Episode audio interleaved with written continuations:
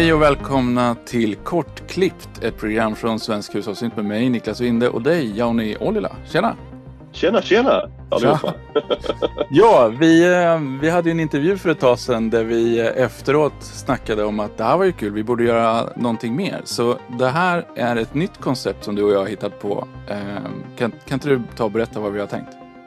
Ja, alltså tanken är så här, istället för att ha lång, eh, långa diskussioner om massvis med olika ämnen så tänkte vi kondensera ner det, destillera ner det till ett mycket kortare avsnitt och bara snacka om en grej eller en topic varje avsnitt. På det sättet kan vi gå djupare i den topicen men ändå liksom kanske få lite kortare och mer avslappnade avsnitt också. Så lite grann så hade vi tänkt. Exakt, och vi tänkte försöka hålla lite kontinuitet i det så att vi kör varannan vecka, hoppas vi lyckas med och så bara släppa ganska snart efter. Mm. Um, så tanken med namnet Kortklippt är ju liksom att det är nedklippt, att det är kort och att det är tätrakad syntfrisyr liksom. Precis, fram med rakapparaten när ni lyssnar. ja, ja, precis. Så vi har ju tänkt ut ett antal ämnen och förhoppningsvis så kommer det dyka upp fler under eh, tiden vi håller på. Men eh, med tanke på vad vi redan har tänkt ut så har vi ämnen fram till vårkanten någonstans som vi lyckas hålla varannan vecka. Jag hoppas det. ja, det ska nog bli bra. Mm. Eh, och dagens ämne är workflows, eller hur man liksom lurar sin kreativitet att komma igång och hur man kan eh, få sig själv och få mer musik gjord helt enkelt. Eller, eller ja. olika sätt att jobba med musik. Ja, precis. För vi ser, alla sitter ju på ohemult mycket grejer och syntar, apparater och mixer och datorer och sånt där. Och jag tror att det kan vara intressant att djupdyka där lite grann och se hur Eh, vi kanske jobbar, eh, kanske tittar på olika typer av arbetssätt. Det som passar liksom eh, mig kanske inte passar Niklas, det som passar oss kanske inte passar er. Men i alla fall titta på våra erfarenheter eh, på det vi kan och det vi har sett. Liksom. Så lite grann åt det hållet. Precis. Sen eh, måste jag ju säga att för mig är det här lite av att åka snålskjuts på dig Jonny. För att jag får ju sno lite av dina tusentals timmar av erfarenhet. Eh, jag är ju ingalunda något proffs på de här prylarna. Det, det, det bjussar vi på. ja, och lite tanken med, med det här är ju också inte heller att skriva folk på näsan med att så här ska man göra och så här måste det vara. Utan det här, vi, vi försöker väl mer förmedla vad vi har provat och vad som funkar för oss. Precis. Nu kan det bli lite diskussionsunderlag också vi kan snacka om efteråt på alla andra forum där ute. Jag tror det är intressant liksom att få feedback från lyssnare också hur ni tycker och tänker om de saker som vi har snackat om och kanske eh, komma med feedback och input som kan hjälpa andra också. Så att, eh, det är liksom som ett litet kollektivt eh, snack kan man säga det här. Ja, men, postumt då. Precis. Och eh, vill ni komma i kontakt med oss så går det alldeles utmärkt via Instagram. Där finns ju Jauni som Burg. Jag finns som Svensk Hushållssynt och skulle ni vilja skicka elektrisk post så går det alldeles utmärkt på shskortklippt.gmail.com har jag fixat en adress till oss. Sweet. Yes. Uh, det här med workflow då. Uh, jag började hålla på med hårdvara någon gång. Jag köpte faktiskt mina syntar för min första lön på mitt första jobb 1999. All right. Ja, så det var en uh, Roland TB303 och en korg N1R tror jag den hette. Vilken, vilken underbar kombo! ja, 303 hade jag hört talas om och korgen eh, jag tänkte så här, jag tänkte 303 verkar ju ascool. Alla coola kids har en sån, jag vill ha en sån. Men jag måste ha någonting seriöst också och då köpte jag den där korggrejen och det, det var ju en rompler liksom. Mm, mm, mm. Eh, det jag inte hade fattat var ju att 303 behöver ju synkas upp med Sync 24. Mm. Och uh, den här core-grejen måste ju ha något vettigt midi-interface som jag inte heller hade på mitt ljudkort på min PC då. Så det var ju liksom helt meningslöst. Vad hade du för vision med de grejerna? Ni enade Work att du skulle koppla ihop grejerna, att det skulle bara funka? Eller vad var själva tanken när du valde de två apparaterna för att börja bygga musik med? Ja, men jag, var ju, jag var ju 20, jag hade precis eh, muckat från lumpen, hade fått mitt första jobb och, och, och, ville göra musik. Och så hade jag hört talas om 303. Jag hade hållit på med trackers och grejer innan. Mm. Och jag hade hittat samplingar och ljud som hette någonting med 303. Jag tänkte det här är skitfränt, jag måste ju ha en sån. Och så fanns det på musikbörsen i Örebro. Och jag tyckte den var lite dyr. Jag tror att den kostade, om den kostade 6000. och jag tyckte det var lite saftigt. och, så, och den där korgen kostade, om den kostade tre kanske. Eh, så jag hade ingen vision mer än att jag tänkte att att jag hade hört talas om det, att jag tyckte det var fränt. Mm. Eh, men korgen bytte jag jättesnabbt mot en eh, um, Novation Base Station. Men det var inte den första, det var Base Station 2 eller Super Base Okej. Station. kanske. Super Base Station kanske? Ja. Rackmodellen eller? Exakt. Mm. Så att jag började göra musik eh, med det. Men det vart aldrig särskilt mycket. Sen kom jag på det här med inbyggda sequencers. Mm. De flesta maskiner jag köpte sen hade inbyggd sequencer. Och så köpte jag en sån här Alesis MMT8. Mm. Mm. Och så spelade jag in midi i den och lät den styra min minimoog som jag köpte vid något tillfälle. Så alla mina första låtar är gjorda med inbyggda sequencers. Eh, spelade, inspelade direkt på stereospår. Okej, så du hade ingen porta då utan två kanal var det som gällde? ja, minidisk. Rakt in på minidisk. All right, all right. High tech. Eh, ja, så, så det var ju min början då. Sen så började jag ju med, med datorer och DAV och allting sånt där. Men nu håller jag på att gå full circle. För efter intervjun med dig så kom jag ju på att det är ju vansinnigt kul att köra med inbyggda sequencers. Så jag har ju det i mängder av mina maskiner. Eh, Mm. Så de senaste låtarna jag har gjort nu har ju varit liksom syntakt och mono machine tillsammans. Eh, så köpte jag en busskompressor för att kunna spela in det snyggt rakt in i datorn. Mm. Och sen så be- efterbearbetar jag helt enkelt. Ja, just det. Just det. Det- Alltså, det där är ju väldigt intressant. För att alltså, tittar man på det arbets, all, arbetssättet som du hade när du började jämfört med idag. Du går den här full circle. Eh, Jag har ju alltid tyckt att eh, spela saker och ting live, spela synta live var det som alltid triggat mig till att göra musik. För att när man är väl färdig med låten så måste man committa det. Det finns väldigt lite som man kan ändra i slutändan. Då får man de här happy accidents, kanske man får de här känslan i musiken som man kanske inte får om man repetitivt gör om samma sak flera gånger. Och det workflowet är det som egentligen som jag kallar ett kreativt workflow, eller som jag själv kallar det för, för min egen skull. För att jag ska liksom veta hur jag ska differentiera mellan de olika sätten som jag arbetar på.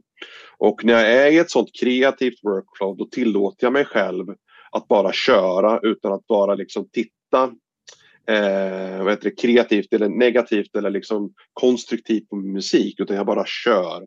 Allt Mm. eftersom som musiken strömmar ut så hamnar det på band så lyssnar jag på det i efterhand. Då tänker jag okej, jag kanske behöver göra om här och där så gör jag om hela sessionen en gång till. Och på det sättet så blir det ungefär som en livespelning. Eh, så att om jag hade gjort det här, spelat det här live eh, för en publik så hade det låtit på ett sätt och dagen efter så hade det låtit på ett annat sätt. Så det är lite grann som en livespelning som sker i studion. Och om man har det tankesättet när man gör den här typen av eh, eh alltså tvåkanalsinspelningar så tillåter man sig själv att göra lite missar här och där. För det är sånt som händer live också. Och när det hamnar på tape så blir det lite charmigt ibland också för att folk, ja ah, men han spelade fel här, men det, det, det tänkte att det ska vara så. Ja. Eh, på det sättet så lyfter man bort den här tunga liksom, eh, trycket på sina axlar att man måste hela tiden producera perfekta grejer. Så, då är det lite grann att hitta ett arbetssätt som skapar lite oslipade dia- diamanter så att säga. Och lite grann så eh, jag känner själv ett av mina favoritsätt när jag jobbar just med burg som vi snackade om sist då eh, på Svensk hushållssynt. Precis, och jag upplever en lekfullhet i att sitta och jobba med, med maskinerna. Plus att alltså, det finns ju kreativa begränsningar i det också. När man kör med syntakten så har man ett antal hi-hat-maskiner att använda. Mm. Och lyckas man inte, alltså, då, får man, då, då är det väldigt mycket lättare att acceptera det ljud man, man får fram. Och så tänker man sig bara, ja men visst, då, då får jag ta det här. Men i en dator, om du sitter med en DAW så lägger du liksom ut dina hi-hats så kan du bläddra igenom tusentals samplingar och Mm. Lagra på liksom flera samplingar på varandra tillsammans med en syntetiserad hi-hat och lite extra brus och sådär. Det tar aldrig, Mm. aldrig slut. Och det är så mycket lättare att fastna i den där loopen av att, att inte bli nöjd. Precis, precis. Och det är väl lite grann det som är tanken också med det arbetssättet eller workflow. Att man, man tillåter sig själv att inte vara perfekt hela tiden. Eh, och det är väl det som är tanken också att eh, man kan göra det här repetitivt så blir man bättre på att hantera sina maskiner. Man får ett muskelminne, man kommer ihåg var grejerna står, man kommer ihåg var rattarna sitter och man liksom har en, får en annan känsla för hur låten kan förändras på väldigt, med väldigt små enkla medel istället för att göra de här stora förändringarna. Eh, och det skapar ju då en atmosfär i musiken som lever istället för att man ska ha så här, här kommer dropp, här kommer beat, här kommer jada jada. Du kanske tweakar något mindre mindre instrument och på så sätt får en, liksom en, en dynamisk följsamhet liksom i, i hur låten utvecklas istället för att det blir så strikta olika sektioner så att säga. Mm. Eh, och det är just de bitarna som även är intressanta om man flyttar ut det här arbetssättet på en livescen. Eh, för då, där går ju tiden mycket saktare också. Jag tror vi pratat om det tidigare. Mm. Eh, och om man arbetar på det sättet och tillåter sig själv att låta musiken spela Eh, så blir det mycket roligare att lyssna på för, för den, som, den som åskådar så att säga, lyssnar på musiken. Eh, och det blir ju lite grann du själv som blir det när du sitter hemma i en studio och spelar in för dig själv. Sen när den, sen när den liksom lyssnar tillbaka på musiken när du har spelat in eh, så, så känns det ganska fort. Oj, här hade jag för bråttom. Oj, här tog det för lång tid. Eh, på det sättet kan man själv analysera sitt arbetssätt för att korta ner eller förlänga de olika delar som kanske inte funkar. Så. Och där, där tror jag jag har tagit fasta på en annan sak som du nämnde när vi pratade om det här. Att det måste liksom leva lite i sig självt. Så mm. att man, man eh, om du har programmerat rytmer i, i eh, din syntakt eller vad det nu är. Och om du har programmerat basgångar och allting sånt där. Så att det rör lite, lite, lite på sig hela tiden. Så mm. håller det lyssnarens intresse utan att du faktiskt behöver göra någonting just då. Precis, det bara, precis. liksom att att luta sig tillbaka och låta det gå ett par extra takter runt, runt. Utan att det liksom gör någonting. Du behöver inte vara så ivrig på att hålla på och vrida på allting. Utan låt det bara Precis. flöda själv. Precis, och så vi kanske ska titta lite grann på de, alltså de verktyg som finns där i de olika instrumenten för att få musiken att leva. Mm. Eh, om man tittar till exempelvis på en sequencer så kan du köra såna här conditional triggers, jag tror det heter i elektronvärlden. Ja. Där vissa noter kommer in ibland med en viss procentsats, att typ 100% kommer de hela tiden, 50 hälften av tiden och så vidare. Eller så kan man få dem att repeteras, typ att varannan runda, var tredje runda, var fjärde runda. Eh, I mm. elektronsyntarna är det fantastiskt tycker jag att kunna göra på det sättet för att skapa just den här dynamiken. Mm. Men det jag gillar ännu bättre det är typ sequencers som eh, Arturia Beatstep eller Beatstep Pro eller kanske eh, Winter Modulars Eloquencer till modularen. Där man rent sonika bara stoppar in en sekvens, om det nu triggers för trummor eller om det är noter för en melodi. Och sen så bara kör den helt random. Väljer de noterna hipp som happ egentligen. Och sådana typer av, eh, jag brukar kalla det för glitter och glimmer, det ligger i bakgrunden och flyter, flyter omkring. Det är som oftast ljud som inte ligger långt fram i ljudbilden utan väldigt långt bak i ljudbilden som skapar den här lilla rörelsen som kanske man kanske inte riktigt eh, kan identifiera den men den finns där så att säga. Och det är kombinerat med, med conditional triggers i elektronvärlden och vanlig randomization i valfri sequencer skapar just den här rörelsen. Mm. Eh, och så kan man även då göra såklart saker och ting med modulation i syntarna. Man kan modulera filter, man kan köra, du vet, eh, sample and hold och man kan köra vanliga LFO-er. Gärna LFO-er som springer fritt, som inte synkar. Jag brukar alltid säga att LFO-erna måste få springa som de vill, annars mm. är de inlåsta. Och på det sättet så kan man skapa eh, alltså långa, långa LFO-er som får filtersvep eller enveloper att flytta på sig eller vad man nu vill då.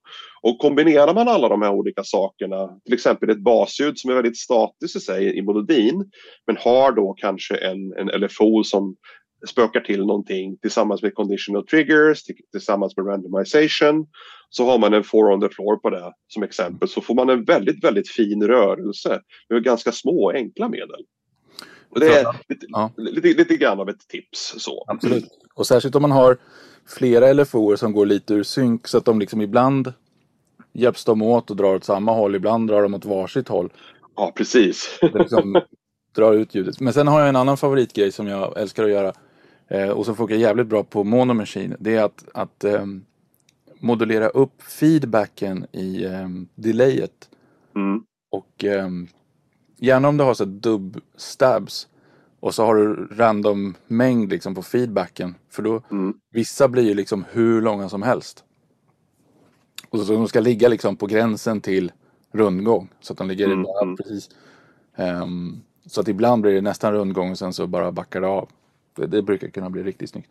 Det är en riktigt bra idé. Det påminner mig faktiskt om en gammal pedal jag hade, Ibanez ES2 eller ES3 Ecoshifter. ES2 tror jag det var, en Bucket Brigade-historia som hade flera kretsar i sig så man kunde ha upp till en, en och en halv sekunds eh, delay-grejer. Och den hade även en sån här sweet spot som du pratar om. Man la feedbacken på precis, nivå, precis en sån nivå.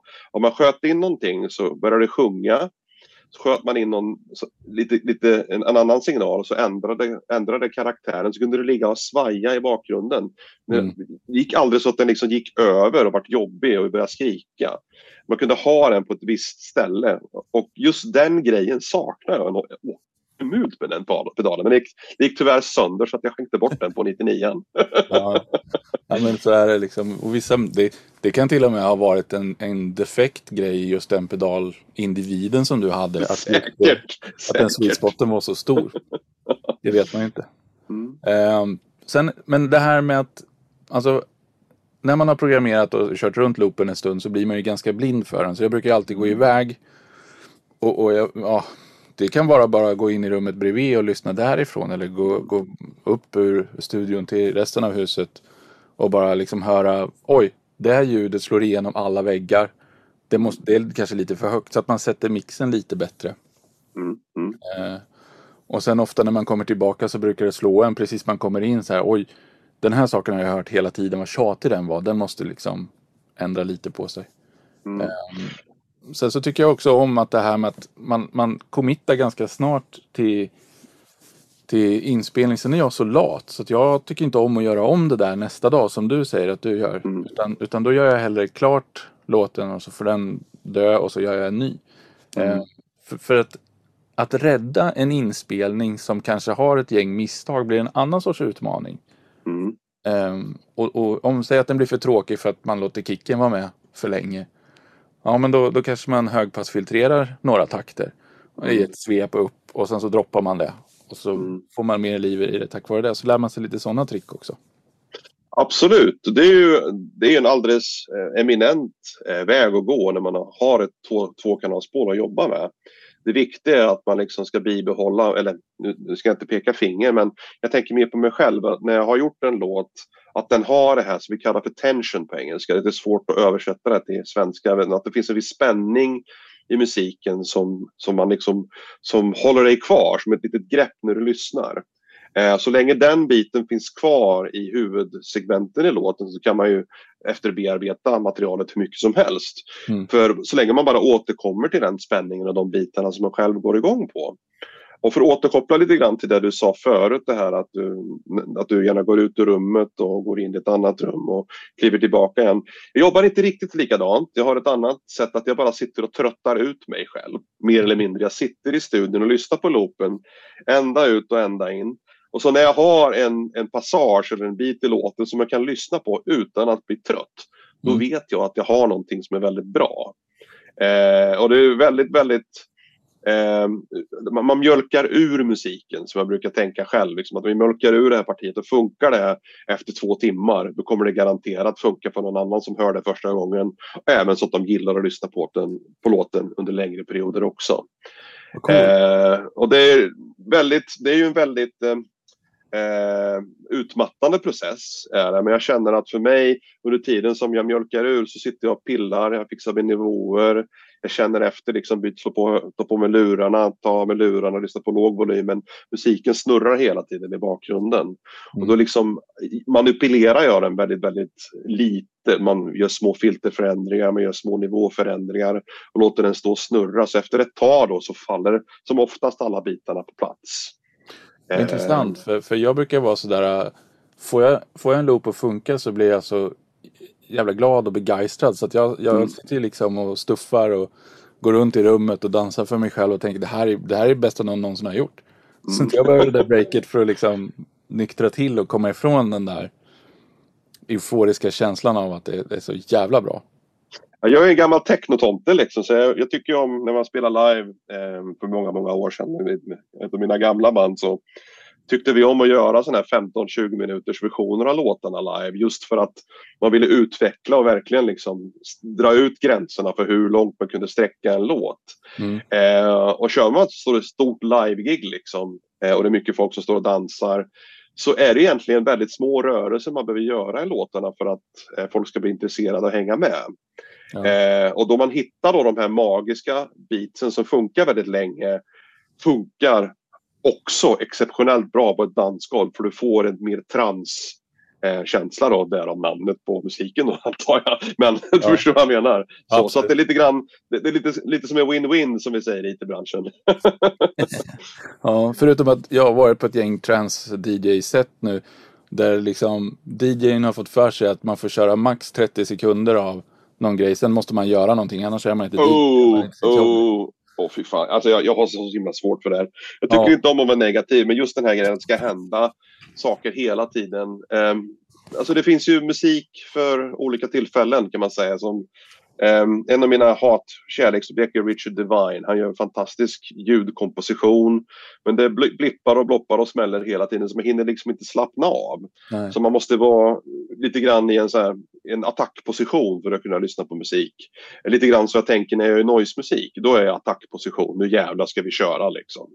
Men medan techno liksom, eller beroende på vad man ska göra för musik. Nu pratar vi inte enbart om techno men många olika typer av, av loopbaserad musik. Så, så, känner jag mer att det är den här liksom, man ska hamna i någon, någon form av meditativt stadium. Det är mm. lite grann av, eh, av eh, terapi kan man säga. Eh, mm. Mer än att det är att presentera musiken för någon annan då. Ja visst, både, både att lyssna och skapa den. Är ju det. Mm, precis, precis. Men eh, det om inbyggda sequencers. Jag vet ju att du har jobbat mycket med DAV när du kör med din brorsa till exempel. Mm. Ja, alltså just när det gäller eh, DAWs, eller vad säger man, datorer, eh, datorsequencers, Cubase och sånt där. Så, eh, jag jobbar ju mer i linjära eh, system som Cubase. Jobbar inte med Ableton Live eh, till exempel. Det, jag har inte riktigt kommit dit. Jag har testat det några gånger men inte fastnat för det. Eh, så när jag jobbar i datorn så är det mer att jag har en låtidé innan jag kliver in i systemet. Typ att ah, brorsan kanske skickar en demo, vi jobbar med teleskop, så har han en låt han har skrivit, så har han skrivit melodi. Eh, han har skrivit lite ackordföljder och text och sånt där. Så tar jag den idén så komponerar jag en låt utifrån vad vi har för idé och vision om musiken. Mm. Eh, och då är det inte så lekfullt, det är inte på samma sätt. Vi utforskar liksom inte ljuddesign på samma sätt. Utan vi bygger en struktur, ett fundament, klassiskt trummor, bas, ackord och sånt där och melodier. Och sen så kör man copy and paste och bygger liksom låtstrukturen från början till slut. Och sen så går jag in och skapar liksom olika ljudlandskap och melodier utefter alltså den grundidén som vi har målat upp vad låten ska bli för någonting. För att om jag börjar med ljudlandskapet först så kommer det bli burg med lite sång och det är inte riktigt det som är tanken med det bandet utan man har en, en klar idé och då är liksom ett linjärt arbetssätt exceptionellt ur den aspekten. Man kan bara bygga vers, refräng, vers, refräng, stick, jada, jada och så dubbel, så kopiera och så, så är det slut och så fade out vad det nu blir då. Eh, och då kan jag även använda då, alltså VST då eller, eller pluggar och även spela in mina riktiga syntar och andra akustiska instrument under tidens gång. Mm. Men jag använder inte eh, kanske instrumenten initialt för att bygga en idé. Eh, och det är, ju, det är ju lite grann ett annat arbetssätt då kan man säga. Eh, lite grann som ett beställningsjobb. Jag säga mm. kanske. När brorsan har en idé om en låt och så ger han den till mig så producerar jag den. Så jag jobbar ju mer som en producent än som en låtskrivare kan man säga. Så. Men då när du spelar in dina instrument, kör du dem liksom ett spår åt gången och så står du och rattar mm. lite grann för att få lite liv i det snarare än att köra midi-automation och sånt? Precis, alltså varje synt går in en kanal åt gången så man får köra om låten flera gånger då för att få mm. alla instrument på plats. Och sen vissa grejer så byter jag inte ut utan jag kanske har trummorna kvar, kanske har basen kvar och någonting som funkar från originalmodellen då. Ja. Eh, och det är typ trackar det som behöver trackas och behålla det som behöver behållas då. Eh, så att jag känner ju när det gäller kreativitet för min egen del så jag har svårt att sätta mig med en datorskärm och komma på någonting. Så mm. jag måste ha en idé när jag går dit. Har jag idén när jag är på plats eller kanske en väldigt bra inspirationskälla då kan jag komma igång med musik i datorn. Men jag kan liksom inte sätta mig ner med ett blankt papper och börja arbeta med någon plugg och bara skruva. Det, det som kommer ut i andra änden är oftast väl, ganska trist och väldigt förutsägbart. Så. Ja. Eh, och det är väl det som datorn, eh, tycker jag, alltså en dag i, idag saknar. Den här liksom lekfulla grejen som finns med instrumenten och även att instrumenten i sig ger dig inspiration. Där, där eh, tror ju jag att uh, Reason är ett program som är lekfullare mm. än kanske Cubase och, och, och, Studio One som jag körde mycket förut. Mm, mm. kan jag mycket väl tänka mig. Jag kör ju Bitwig nu som, som uh, har en inbyggd modulsynt designer liknande Nord Modular mm. grejerna. Ja. Så då kan man ju bygga upp både sequencers, man kan bygga upp not, eh, alltså saker som hanterar noter. Så man kan bygga arpeggion, man kan bygga slumpsequencers och egna mm. grejer. Mm.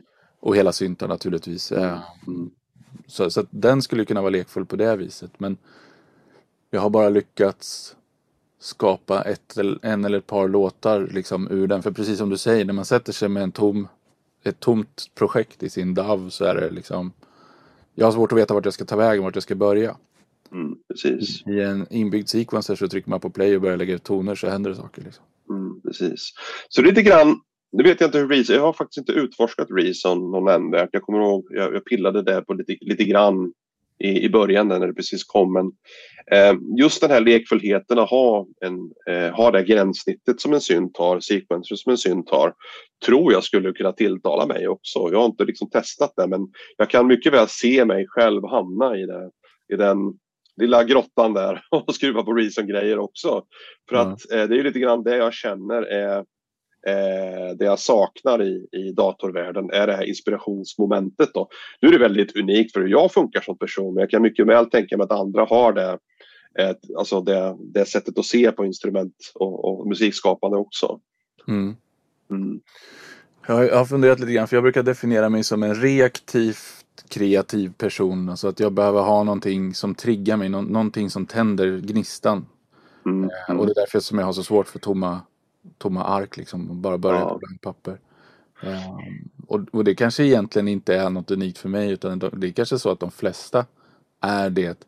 Men det som triggar deras kreativitet är något annat än det som triggar min. Mm. Det där är ju väldigt svårt. Alltså, man brukar prata om muse. Liksom. Vem, vem eller vad eller vad är det som är din muse? Vad är det som triggar dig? När det gäller eh, arbetssätt och göra live loopbaserad musik så är det alltid instrumenten, det vill säga mm. de faktiska hårdvarugrejerna. När det är att jobba i en DAV eh, så är det ju låtar som andra skriver, eh, till exempel min brorsa eller någon annan som jag mm. jobbar med, det är inspirationen. Och jobba med soundtracks, film, eh, så är det ju som oftast bildmaterialet eller själva filmen i sig som triggar eh, idéer så att säga, vart låten och musiken ska komma fram och vad som ska hända. Eh, så jag tror att själva in, att förstå och lära sig vad är det som gör, ger mig vad är det som eldar på min kreativitet mm. i de olika typer av musikaliska situationer man befinner sig i är lite grann av ett lyckopiller för att hitta hur man ska ta sig vidare. Yes. Så har man förstått de olika bitarna, det som triggar dig som individ kreativt, så är det bara att fortsätta mata på ja. med, med, med, den medicinen egentligen tror jag.